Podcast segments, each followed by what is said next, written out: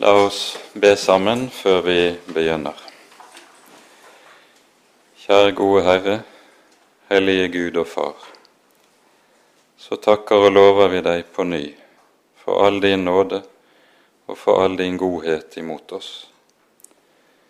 Takk, Herre, mest av alt, at du har gitt oss Jesus, din elskede Sønn. Du sparte ham ikke, men ga ham for oss. Og derved har du gitt oss de største og dyreste løfter. Takk, Herre, at den som hører deg til, ikke skal mangle noe. Så takker vi, Herre, at du har gitt oss et hjem i din kirke på jorden. Og nå ber vi deg at du vil komme til oss med din Hellige Ånd Gi oss lys i ordet ditt, og skrive ordet ditt inn i våre hjerter. Vi ber i Jesu navn. Amen.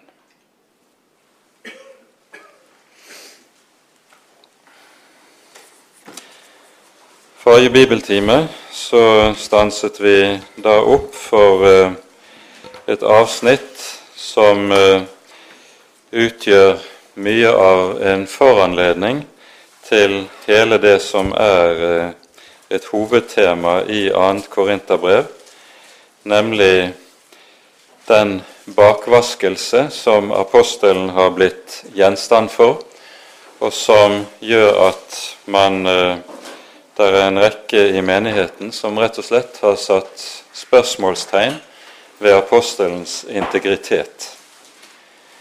Og eh, vi understreket også hvordan disse som eh, på denne måten bakvasker apostelen, det hensikten deres med det de gjør, det er å undergrave apostelens autoritet, for på den måten også å undergrave det evangelium som Paulus forkynner. Det er dette som er noe av en hovedforanledning til hele brevet og vi ser Paulus stadig vender tilbake til den uro som er av ganske mangfoldig art, som uh, har vært i menigheten i Korint, og uh, som altså har skapt megen ugreie i menigheten, og ikke minst også ugreie i forholdet mellom apostelen og menigheten. Og det er noe av dette siste som også er tema i det avsnittet vi kommer til å gå inn i i kveld.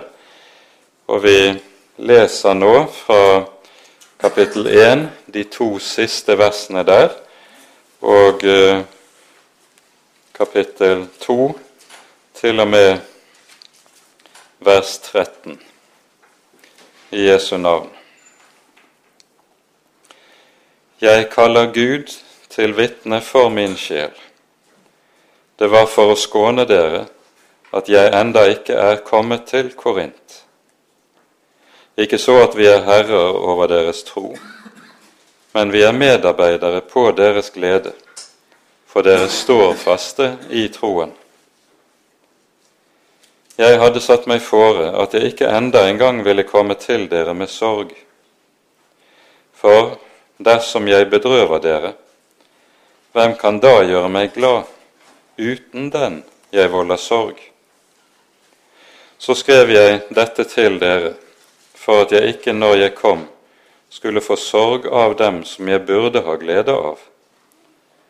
For jeg har den tillit til dere, jeg har den tillit til dere alle, at min glede også er deres.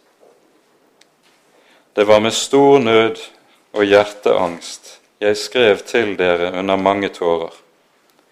Det var ikke for å gjøre dere bedrøvet, men for at dere skulle få kjenne hvor stor kjærlighet jeg har til dere.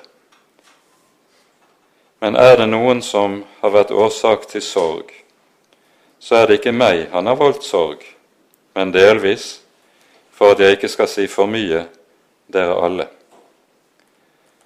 For ham det gjelder, er det nok med den straff han har fått av de fleste. Nå skal dere i stedet heller tilgi og trøste ham for at han ikke skal gå til grunne i enda større sorg. Derfor ber jeg dere, bli enige om å vise ham kjærlighet. I den hensikt var det også jeg skrev, for å finne ut om dere holder prøve, om dere er lydige i alt. Og den som dere tilgir noe, han tilgir også jeg. For det jeg har tilgitt, om jeg også har hatt noe å tilgi, det har jeg tilgitt for deres skyld, for Kristi åsyn, for at vi ikke skal bli overlistet av Satan. For hva han har i sinne, det er vi ikke uvitende om. Da jeg kom til Troas for å forkynne Kristi evangelium, var det åpnet en dør for meg i Herren. Men jeg hadde ingen ro i min ånd, siden jeg ikke fant min bror Titus der. Derfor tok jeg farvel med dem og dro videre til Makedonia.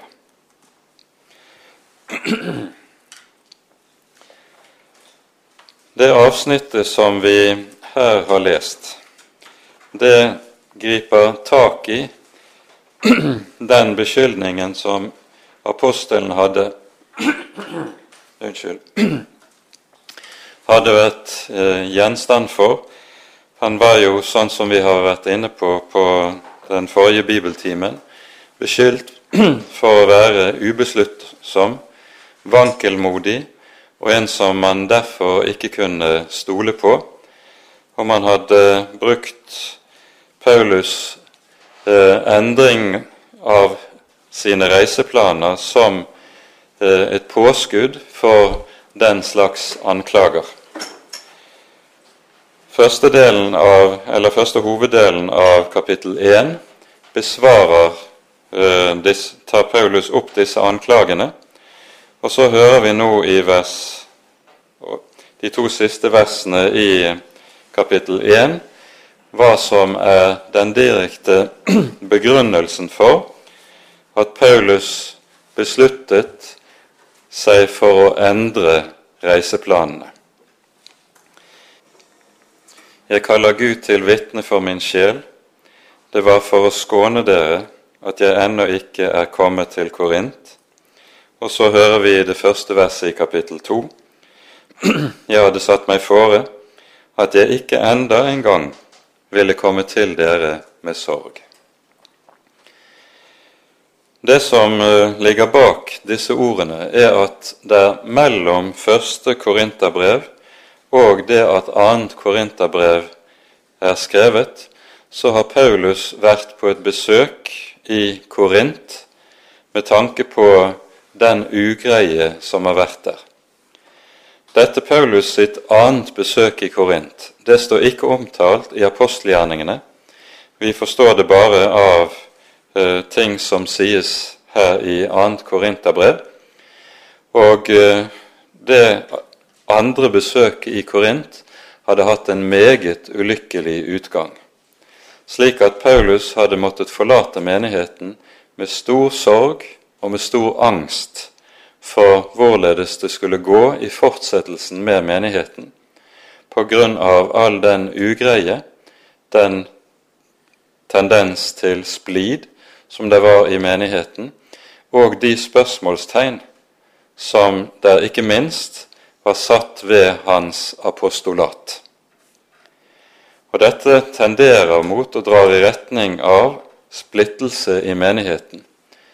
Så Paulus har vært meget bedrøvet når han forlot Korint etter dette sitt andre besøk. Så hadde han altså bestemt seg for og varslet menigheten om at han ville komme dit igjen en tredje gang. Vi hører om disse endrede reiseplanene, men dette sitt tredje besøk, det utsetter han. Han ville ikke atter komme til dem med sorg. Og Det han da gjør i stedet, det er at han drøyer i håp om at ting skal roe seg, og så sender han i stedet et brev til menigheten, et brev som overbringes av Titus. Vi hører mer utfyllende om akkurat dette i det syvende kapittel. Og det er slik at det syvende kapittel i andre Korinterbrev og det andre kapittel her i brevet de må utfylle hverandre hvis man vil ha et litt mer fullstendig bilde av begivenhetene. Og så har Paulus da ventet i meget stor spenning på å møte Titus igjen for å høre hvordan det var gått med dette brevet som Paulus da skrev, og med Titus sitt besøk. Titus nyter jo ubetinget tillit fra apostelen Paulus, og har vært den som har vært sendt i håp om å kunne rede ut i all den ugreie som har vært i menigheten. Og Når Paulus så gir seg på reise, først fra Efesos, eh, nord mot nord i Lille-Asia. Han kommer så til Troas, hører vi, som ligger helt på nordvestkysten i det som er dagens Tyrkia, ikke langt fra ruinene av det som en gang var Troja. Her har han en åpnet dør, hører vi, for evangeliet. Han hadde avtalt å møte Titus her i Troas, men Titus dukka ikke opp, og Paulus sin uro, ikke bare for Titus personlig, men uro for menigheten i Korint og hvorledes det går der, det gjør at han ikke har ro på seg til å fortsette arbeidet i Troas og reiser videre til Makedonia i håp. Makedonia ligger jo i det nordlige Grekenland og i håp om der å finne Titus. Og Der møtes de, og Titus kan bringe meget gode nyheter fra Korint. Så når Paulus nå skriver annet korinterbrev, så er det en meget lettet Paulus som skriver. Det er alvorlige ting han tar opp i dette brevet også, men han er meget lettet fordi det er helt tydelig at korinterne har tatt både dette andre brevet til, fra Paulus sin hånd til hjertet, og de har omvendt seg. Og brevet har også ført til, ser det ut til, at han som var den viktigste kilden til uroen og spliden i menigheten, har kommet til omvendelse. Det forstår vi av antydningene i det vi hører her i kapittel 2. Det er mer utfyllende beskrevet i kapittel 7 også, men likevel slik at det er helt anonymisert. Vi får ikke vite hvem denne mannen er. Vi får ikke vite nøyaktig hva det er som har vært sagt eller gjort, eller hvordan ting har foregått. Paulus er veldig tilbakeholdende i så måte. Men vi forstår at dette brevet, som har da vært kalt for tårebrevet til Paulus, og som er ukjent for oss, det har eh, fått sin tilsiktede virkning i Korint og understøttet av Titus sin klokskap og myndighet, så har ting sett til å komme i en helt annen orden i menigheten. Så det er en lettet Paulus som nå skriver til korinterne, slik som vi hører det her. Men samtidig så er det helt tydelig at selv om der har kommet til omvendelse og besinnelse i Korint, så er det tydelig at Paulus ser det som nødvendig både å undervise ganske grundig om hva det innebærer, den tjenesten som er ham gitt som apostel. Og Derfor ser vi at det er et langt avsnitt som begynner etter vårt avsnitt i dag, som strekker seg fra slutten av kapittel 2 helt ut eh, til og med det sjette kapittelet, der apostelen taler om hva aposteltjenesten egentlig dreier seg om.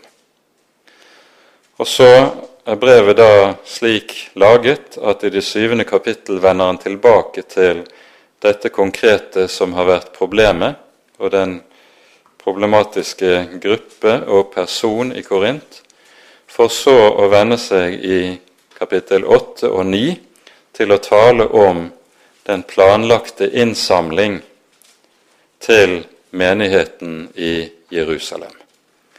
Jerusalem-menigheten er tydeligvis kommet i en meget vanskelig situasjon. Det er mange fattige der. Og så organiserer Paulus da en innsamling fra alle de hedningekristne menighetene til menigheten i Korint. Og det er hele to kapitler i brevet som er viet den saken.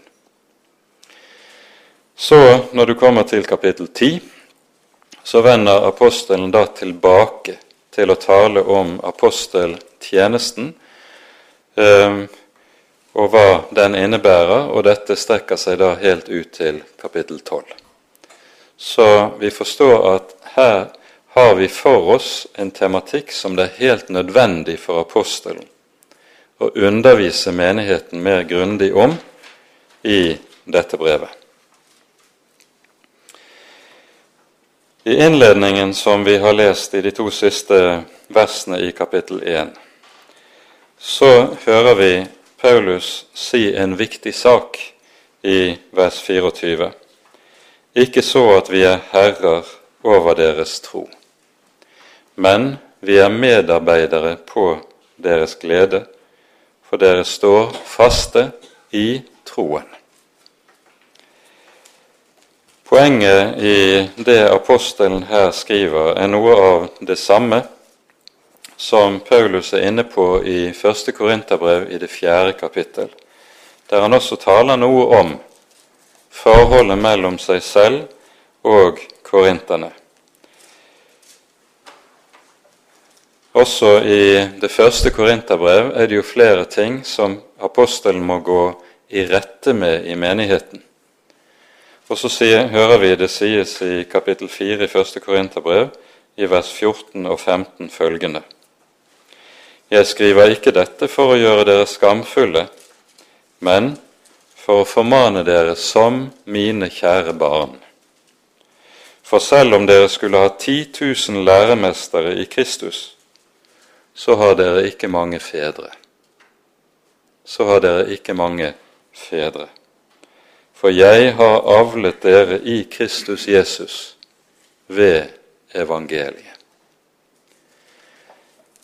Og Det apostelen med dette understreker, er nettopp dette åndelige farskapsforhold som han står i til menigheten i Korint. De er hans ektefødte barn i troen. Ved forkynnelsen av evangeliet er de blitt født til liv i Gud og blitt lemmer på Kristi legeme. Og så er det samtidig også sånn at når Paulus understreker vi er ikke herrer over deres tro, så understreker han en sak som også Peter er inne på i sitt første brev. Vi leser i første Peters brev i det femte kapittel følgende.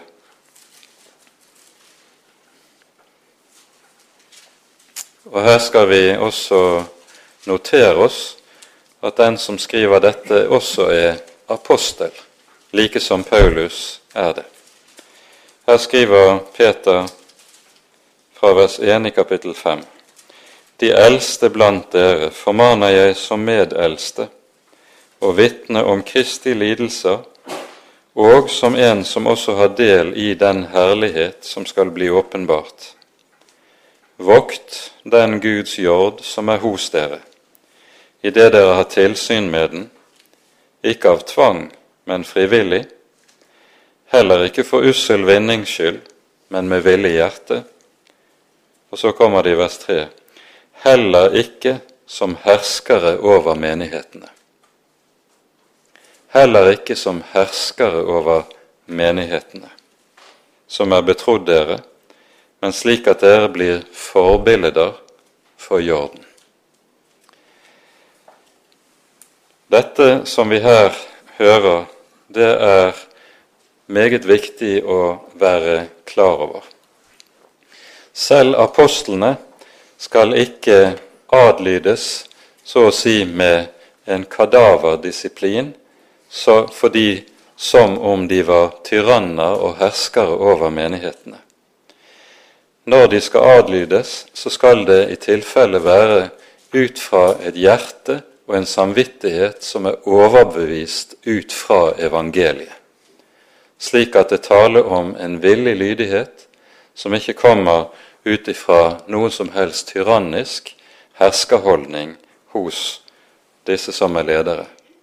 Og Vi merker oss både Paulus og Peter understreker akkurat dette poenget i denne sammenheng. Paulus vil ikke med dette underslå sin egen myndighet som apostel. Han har helt klart en myndighet som er gitt ham av Gud, men det er en myndighet som ikke er lik den som er i denne verden, der herskerne kan bruke makt over mennesker for å få dem til å gjøre som de vil. En slik herskermyndighet finnes ikke og skal heller ikke finnes i den kristne menighet. Ikke at vi er herrer over deres tro, sier Paulus. Og så er det samtidig her vi står overfor noe som gjennom alle tider har vist seg som en fare for menighetene, der menighetene ofte har vært ganske sårbare. Der dukker med ujevne mellomrom opp nettopp slike som ønsker å herske. Maktmennesker som vil utnytte sin posisjon nettopp på dette vis. Vi har et eksempel i Det nye testamentet på dette i tredje Johannesbrev. Her hører vi om nettopp en slik menighetsleder som utnytter sin stilling og misbruker sin posisjon i menigheten på det groveste. Jeg tror vi skal lese ganske kort fra tredje Johannes brev.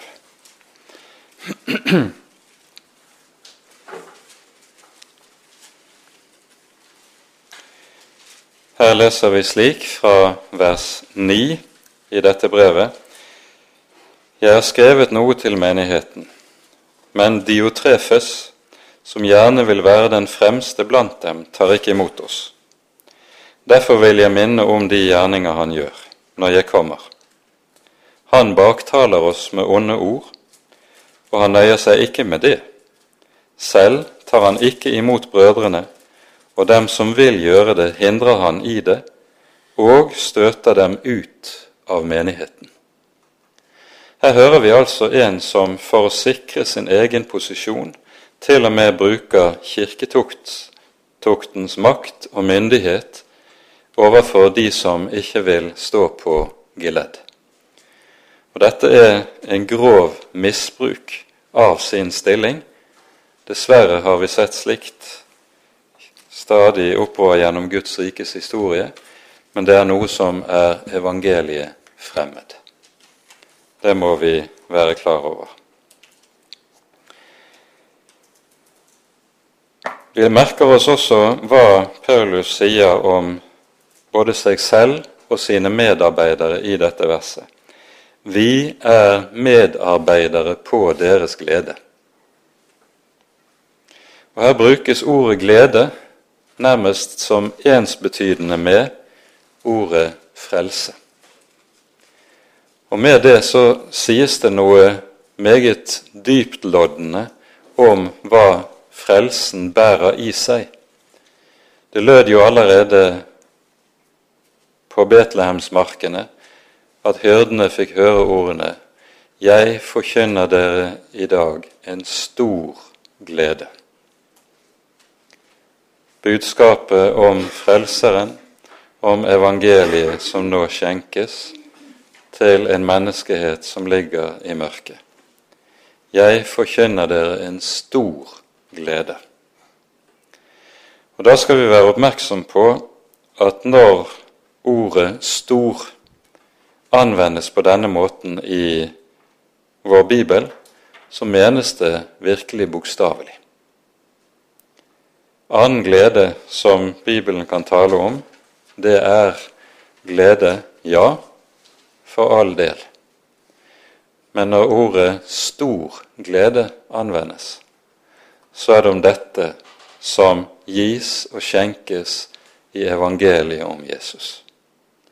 Det er bare om denne glede det med rette kan sies stor i nytestamentlig forstand. Derfor hører vi at også i, når Paulus taler om åndens frukt i Galaterbrevet, så sier han åndens frukt er kjærlighet, glede, fred. Gleden nevnes som den andre av åndens frukter. Og I Romerbrevet i det 14. kapittel så hører vi Paulus beskrive hva Guds rike dreier seg om. I Romane 14 leser vi sånn i det 17. verset. Guds rike består jo ikke i mat eller drikke, men i rettferdighet, i fred og i glede i Den hellige ånd. Og så sier altså Paulus vi er medarbeidere på deres glede.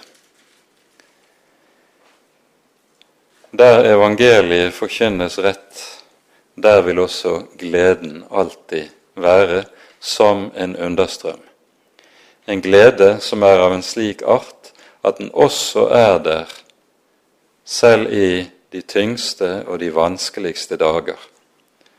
Når Paulus vender tilbake til dette, som vi kan høre det i kapittel 6, så sier han vi er som bedrøvede og dog alltid glade. Og Dette sier han i en sammenheng der han taler nettopp om de store trengsler, de veldige motbakker og vansker som han har måttet utstå i tjenesten for evangeliet.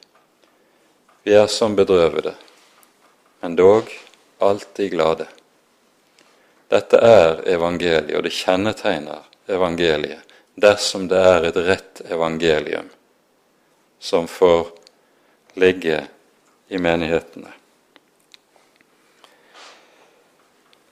Når vi så kommer til kapittel to, så hører vi Paulus fortsette å tale om forskjellen på sorg og bedrøvelse og glede motsatt dette i, som har vært virket ved brevet og besøket til Titus.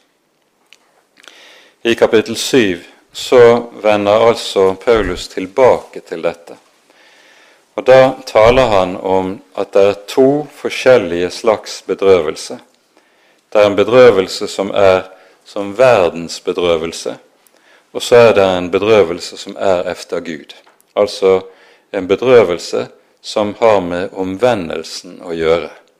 Og utgangen på slik bedrøvelse, det er at et menneske får fred med Gud og på ny kan flytte inn i gleden som apostelen taler om i denne sammenheng.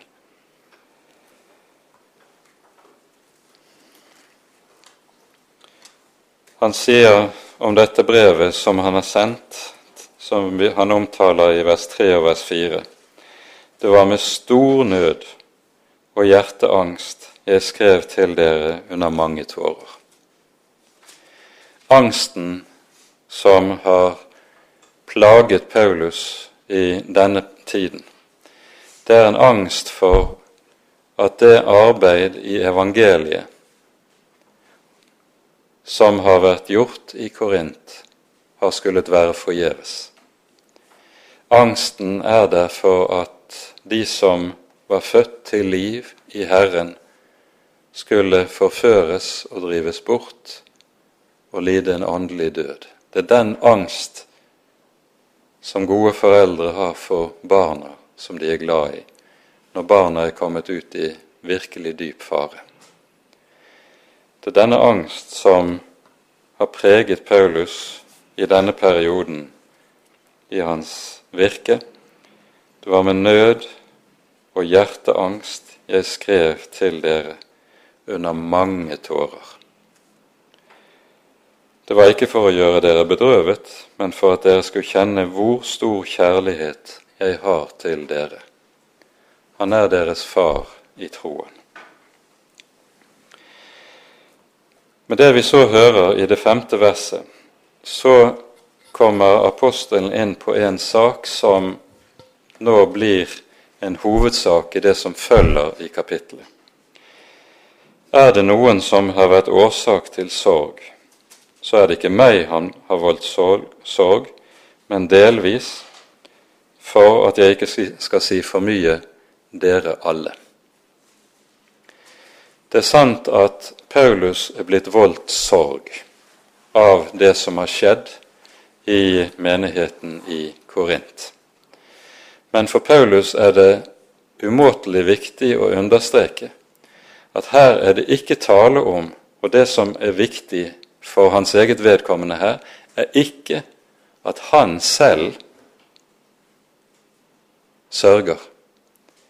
Men det som har skjedd, er noe som har, vil ha ødeleggende virkning for hele menigheten som sådan, dersom det ikke blir grepet tak i og blir rettet opp i.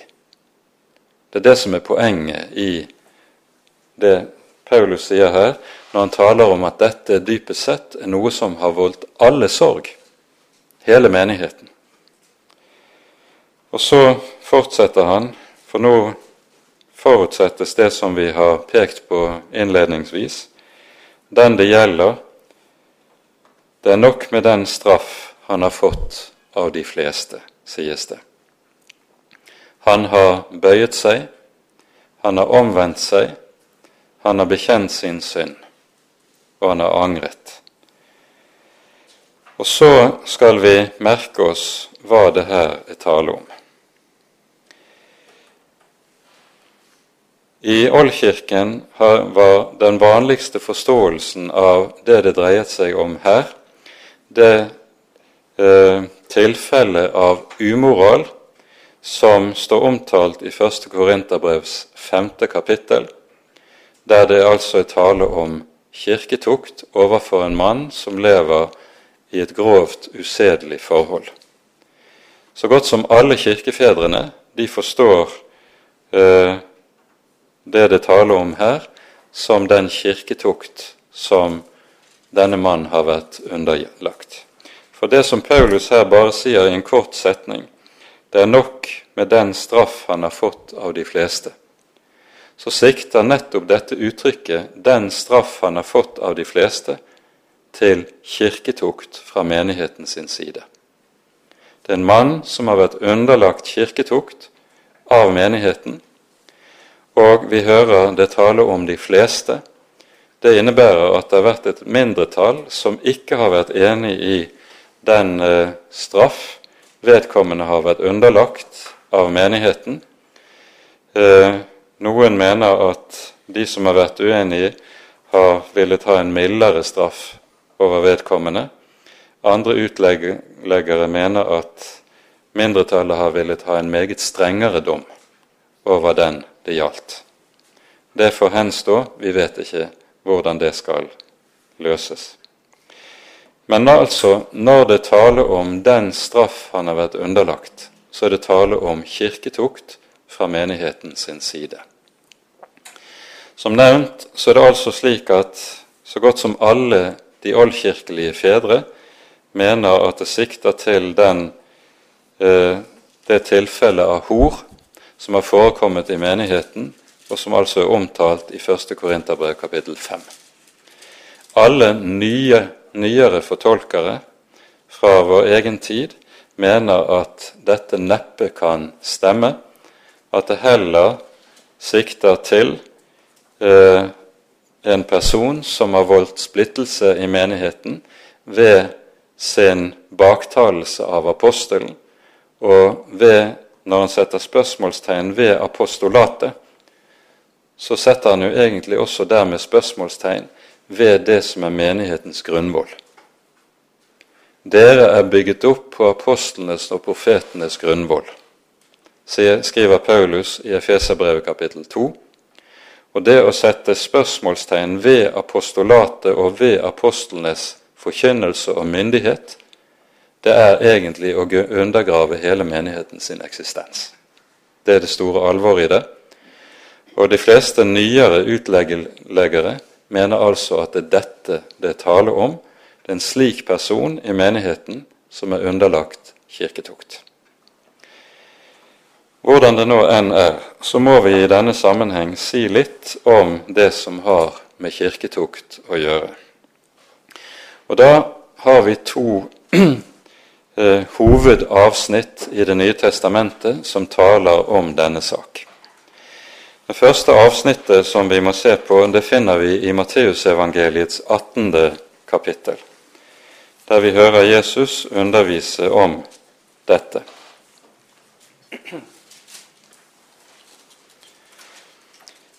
Vi leser fra Matteus 18, fra vers 15. Men om din bror synder mot deg, så gå og tal ham til rette, han og du alene. Hører han på deg, har du vunnet din bror. Hører han ikke på deg, så ta med deg en eller to andre, for at enhver sak skal stå fast ved to eller tre vitners utsagn. Men vil han ikke høre på dem, da si det til menigheten. Hører han heller ikke på menigheten, da skal han være for deg som en hedning og som en toller. Det Jesus taler om her, det er kirketukten, og det han underviser om, er at skal det øves kirketukt, så må det skje etter en viss prosedyre. Denne prosedyre er helt nødvendig for at man ikke skal gjøre noen urett mot noe menneske i en mulig situasjon. Det første vi hører, er at det skal tales i enerom.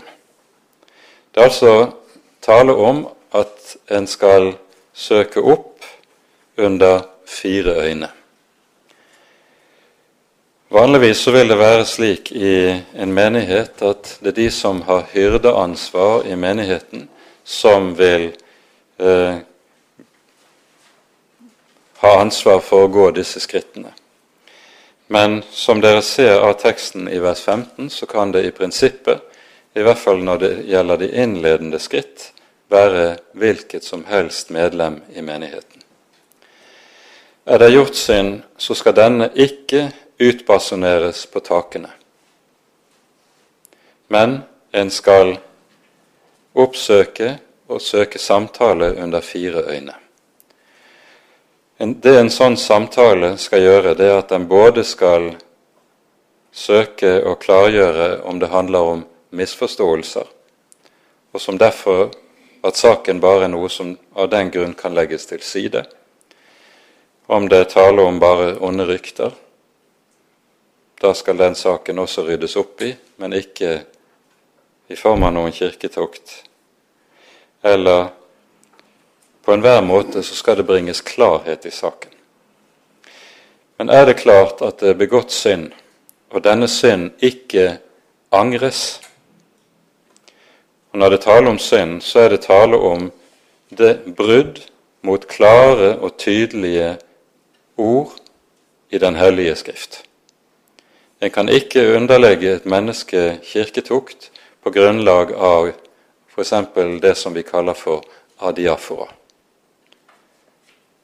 Vi kjenner kanskje til tilfeller hvor personer har vært underlagt kirketukt fordi eh, kvinner for 100 år siden var forpliktet til å gå med knute i nakken. Hvis man da ikke gjorde det, så kunne det hende at man i enkelte, i visse sammenhenger, brukte kirketukten som våpen. Dette er å gjøre urett. For Bibelen lærer oss ikke slike ting men det taler om synd mot åpenbare og klare Guds ord. Det er det det dreier seg om. Vil vedkommende da ikke vende om, så skal en ta med seg én eller to personer. Og fortsatt skal dette foregå i det lukkede rom. Det skal ikke utbasuneres på takene. Og Hensikten da er at enhver sak står fast etter to og tre vitners ord. Og den som det da vil være naturlig å ta med hvis det ikke er menighetens hyrde som har tatt det første skrittet, det vil i hvert fall da være nødvendig å ta med menighetens hyrder. Vil vedkommende da ikke høre etter andre gangs og tredje gangs formaning, da skal saken bringes frem for menigheten.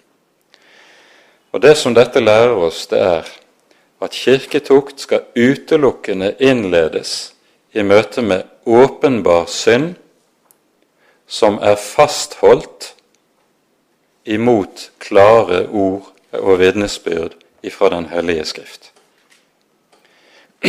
Kirketukt skal aldri innledes som en sånn spontan handling der et menneske uten å ha gått gjennom denne sikkerhetsprosedyren på forhånd, har uh, fått anledning til å gjøre klart hva det dreier seg om. Og så er det meget viktig også å være klar over at når Jesus gir oss disse retningslinjene som vi her finner, så står det i en helt bestemt sammenheng i Matteus 15. Vi leser fra vers 11 til vers 14. Menneskesønnen er kommet for å frelse det som var fortapt.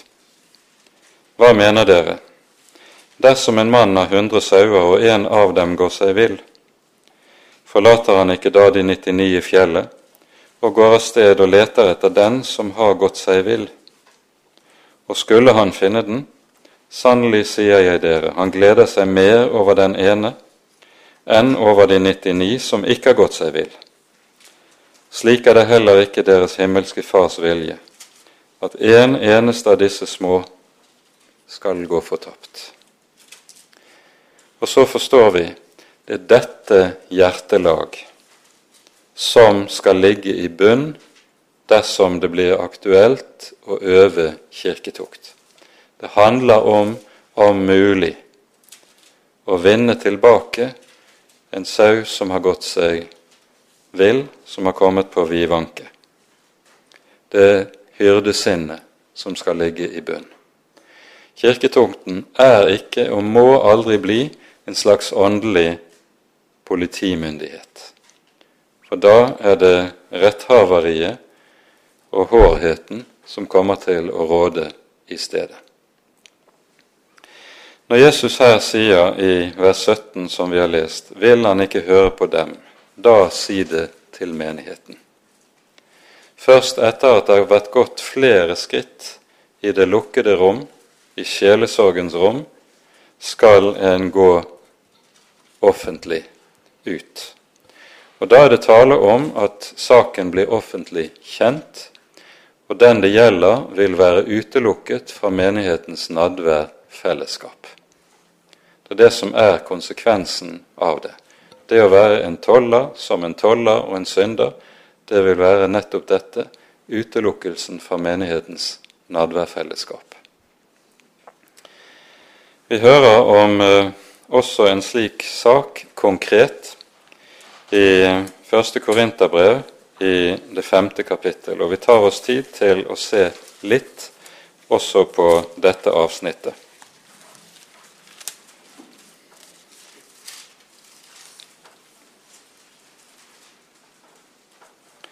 Vi leser fra vers 1 i 1. Korinterbrev kapittel 5. I det hele høres der om hor iblant dere, og det er slikt hor som ikke engang nevnes blant hedningene, at en mann lever med sin fars kone.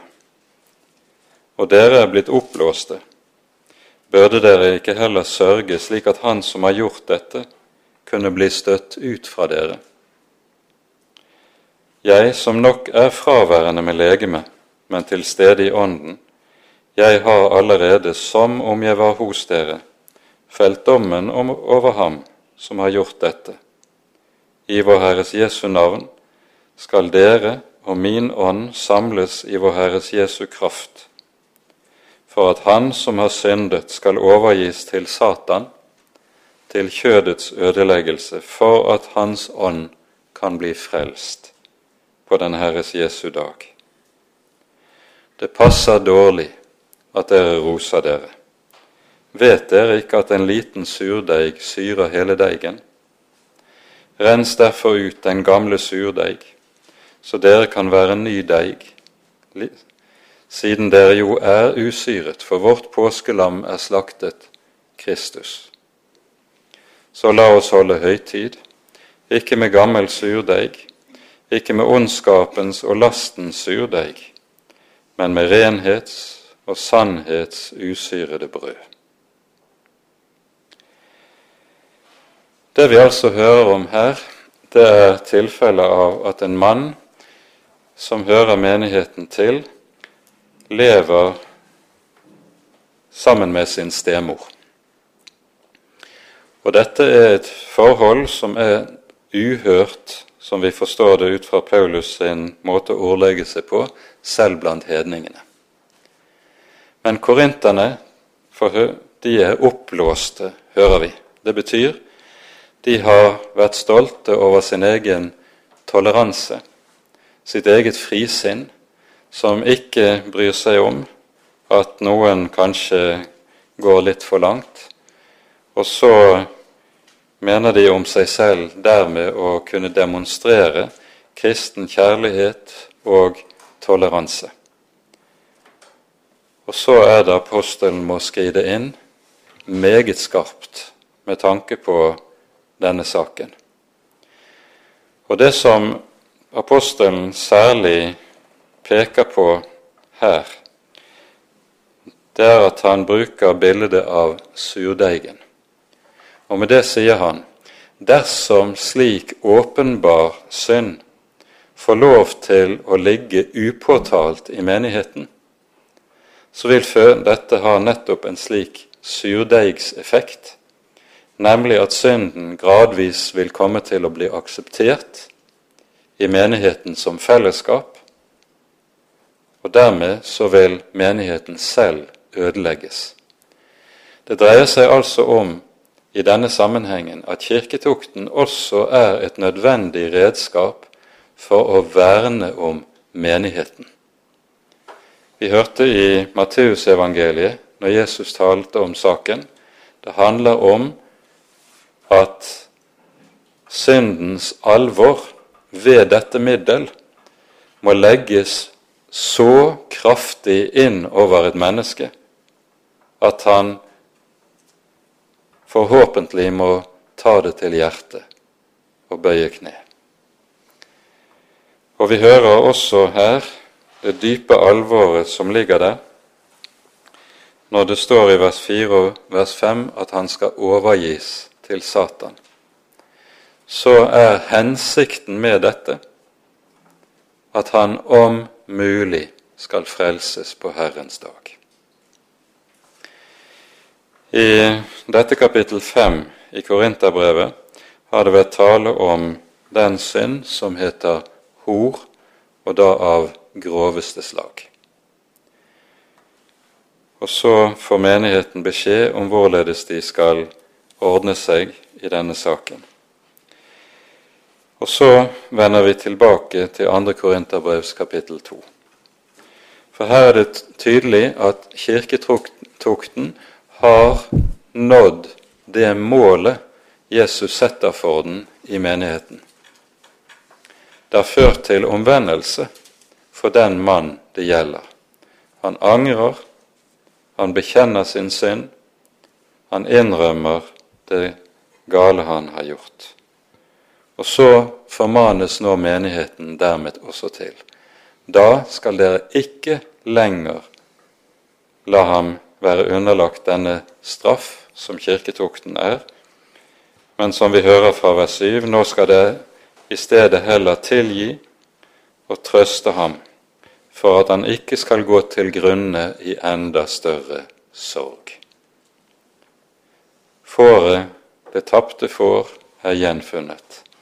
Så bæres det hjem gjennom at menigheten nå tilgir, viser kjærlighet og uten forbehold lukker ham inn igjen i menighetens fellesskap, noe som dermed innebærer også at nadværbordet åpnes opp. Han får del i det fulle fellesskapet i menigheten.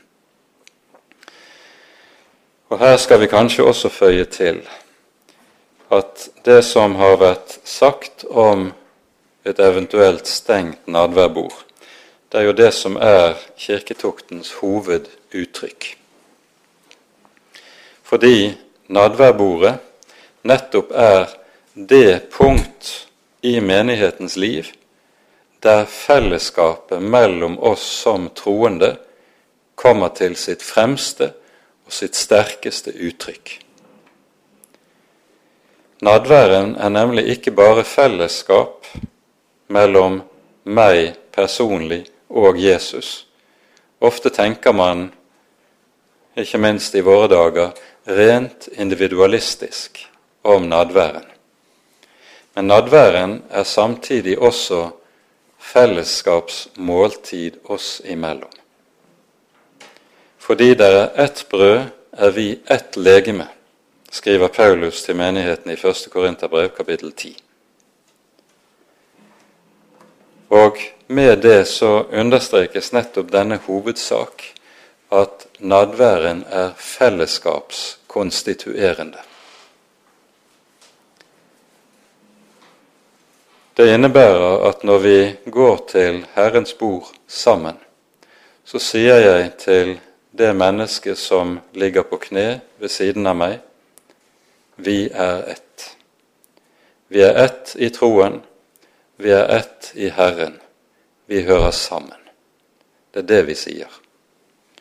Og det er en uhyre viktig side ved nadværen, slik som Det nye testamentet underviser om saken for oss. Nå hører vi altså, når det gjelder denne karen som har vært underlagt kirketukt, at nå skal han lukkes inn i menighetens fellesskap på ny.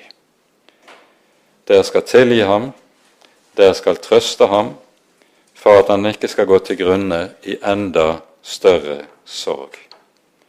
Derfor ber jeg dere, bli enige om å vise ham kjærlighet.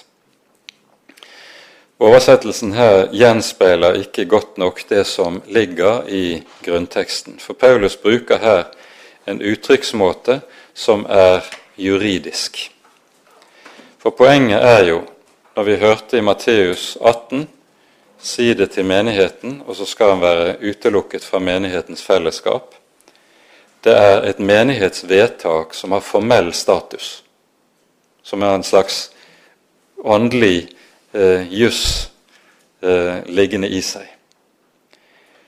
Det som her anvendes, det er en tilsvarende juridisk språkbruk som sier nå skal menigheten tilsvarende fatte et nytt vedtak som fellesskap.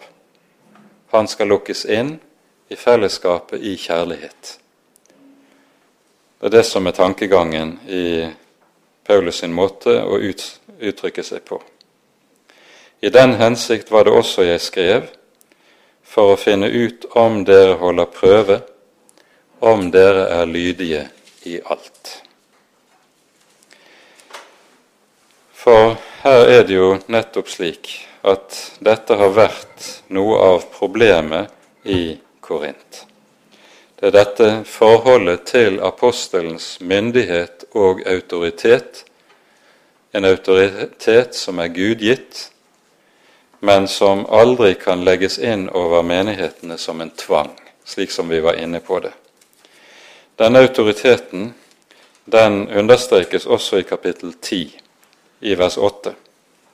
Og vi henleder bare kort oppmerksomheten på dette.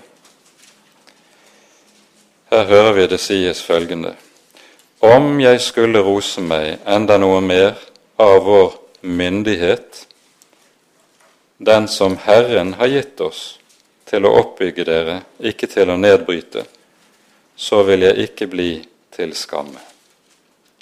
Det er en myndighet som er gitt av Herren, men den er gitt til å oppbygge. Det er det det taler om. Her tror jeg jeg i parentes også bør føye til en annen sak. Og det er Det nye testamentets måte å tenke om menighetslivet på, som er annerledes enn det som er lett for oss å tenke i våre dager. Vi tenker meget lett om menighetslivet som et demokratisk fellesskap. Ofte bruker man å henvise til læren om det allmenne prestedømmet, slik som vi finner det f.eks. i Peters, 1. Petersbrevs kapittel 2, som en begrunnelse for denne demokratiske tankegangen når det gjelder menigheten. Og det er meget mulig at det er en slik demokratisk tankegang som har behersket korinterne, og som har gjort at de har hatt store problemer med å innrette seg etter Paulus sin myndighet som apostel. Og at disse som da har vært opprørere i menigheten, har kunnet så å si henvise til en sånn type demokratisk tenkning. I Guds rike er det imidlertid ikke slik at den typen demokratisk tenkning ligger til grunn for hvordan en skal forstå menigheten. Og Dette er viktig å være oppmerksom på. Og Jeg tror vi ganske kort skal henvise til en tekst som også løftes frem i Det nye testamentet i flere sammenhenger. Og Da tenker jeg på ordene i Fjerde Moseboks 16. kapittel, der vi hører om hvorledes Kora og Datan og Abiram gjør opprør mot Moses og Aron.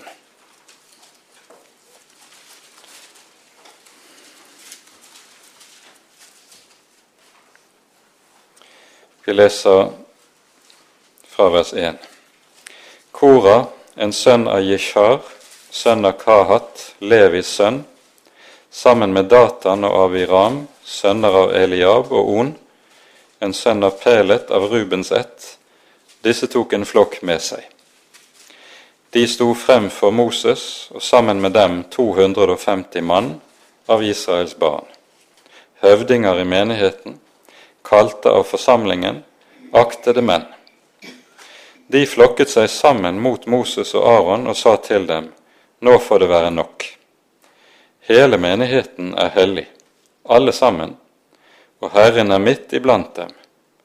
Hvorfor skal da dere opphøye dere over Herrens menighet? Da Moses hørte disse ordene, falt han på sitt ansikt. Det som er verd å legge merke til her, det er hvordan disse som gjør opprør mot Mose og Arons autoritet, de var jo innsatt av Herren til den gjerning som de sto i. Det var Gud som hadde valgt dem, det var Gud som hadde kalt dem, det var Gud som talte gjennom dem. Men legg merke til hvordan disse begrunner sitt oppgjør, opprør. De begrunner det med henvisning til det allmenne prestedømmet. Alle er like, alle hellige, alle står like verdige for Gud. Hvorfor skal da dere stå i en særstilling? Det er dette opprør som senere henvises til flere steder i Det nye testamentet, der menighetene advares mot Koras gjerning. Vi hører om dette både i Judas brev og i 1. Korinterbrevs tiende kapittel. Der er det taler om samme sak. Fordi saken er jo den at når det gjelder det som har med læren og undervisningen og hyrdetjenesten i menigheten, der har Herren satt noen til å ha dette ansvar. Og så er det ikke gitt til avstemning i menigheten hva som skal læres og forkynnes og undervises om. Så vil det da også være slik at i en rett kristen menighet og en forstandig kristen ledelse av en menighet, så tas menigheten med på råd når det gjelder en rekke praktiske forhold og ting som angår menighetens liv. Men det åndelige lederskap som er satt av Gud, det kan ikke undergraves ut fra en rent demokratisk tankegang, slik som vi eventuelt så det hos Kora og Datan. Dette nevner jeg bare i forbifarten, men nevner det som noe som antagelig ligger bakom i den uro og det opprør som har vært mot Paulus i menigheten i Korint. Vi har en gammeltestamentlig parallell til dette på denne vis. Og Så skal vi derfor også være litt varsomme med å tenke rent sånn flatt demokratisk om hvordan menighetens liv skal være.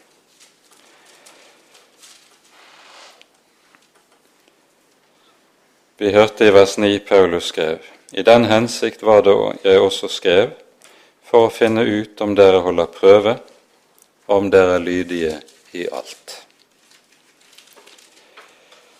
Og den som dere tilgir noe, ham tilgir også jeg. For det jeg har tilgitt, om jeg har hatt noe å tilgi, det har jeg tilgitt for deres skyld, for Kristi åsyn. Måten Paulus her sier dette på, det er at Paulus med dette vil si om jeg i det hele tatt har hatt noe å tilgi. Han har egentlig ikke det. For her sier Paulus tydelig at hos han er det ikke spørsmål om at han er personlig fornærmet, selv om de som har talt imot ham, antagelig har talt meget fornærmende om ham, og kanskje også til ham. Men Paulus er selv ikke personlig fornærmet. Sånn sett er han ikke interessert i å hevde sin egen anseelse. Det ligger helt utenfor den typen smålige hensyn ligger helt utenfor hans horisont. Det det dreier seg om her, når det skal tilgis, så er det menigheten som fellesskap som må tilgi den skade som menigheten har vært voldt. Og så skal menigheten være villig til det, og menigheten skal vite Paulus er også en som slett ikke her ønsker å holde fast på noe ondt, noen misgjerning. Det som er gjort, det er nå oppgjort og lagt bak. For at han ikke skal bli overlistet av Satan, for at vi ikke skal bli overlistet av Satan, og poenget i det som står her, skjønner vi. Dersom menigheten ikke lar tilgivelse få rom, da vil djevelen ha fått ødelegge menigheten. Det er det det dreier seg om. For hans tang, for hva han har i sinne, det er vi ikke uvitende om. Ulven kommer bare for å stjele, for å myrde, for å ødelegge, sier Jesus i Johannesevangeliets tiende kapittel når han taler om djevelens gjerninger. Kommer bare for å stjele og myrde og ødelegge. Og det er det djevelen søker å gjøre i den kristne menighet. Den vil ødelegge menigheten og dens fellesskap. Og en av måtene det kan skje på, er nettopp dersom uforsonlighet får rom dersom man gjemmer på det onde i stedet for at det får lov til å gjelde at når en sak er angret og bekjent, så er det også oppgjort og begravet.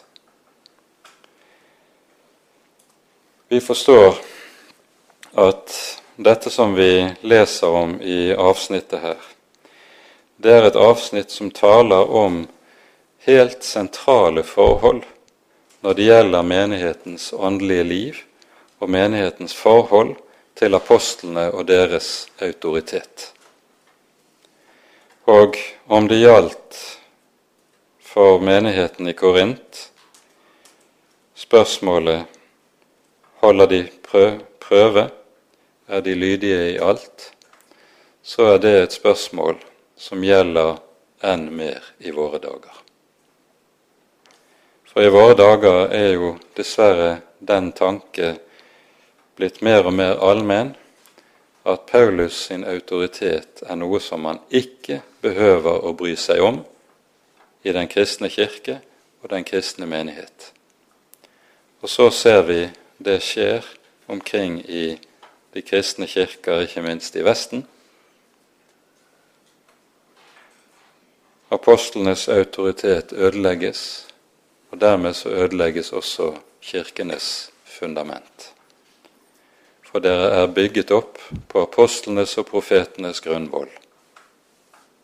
Og hjørnesteinen er Kristus Jesus selv.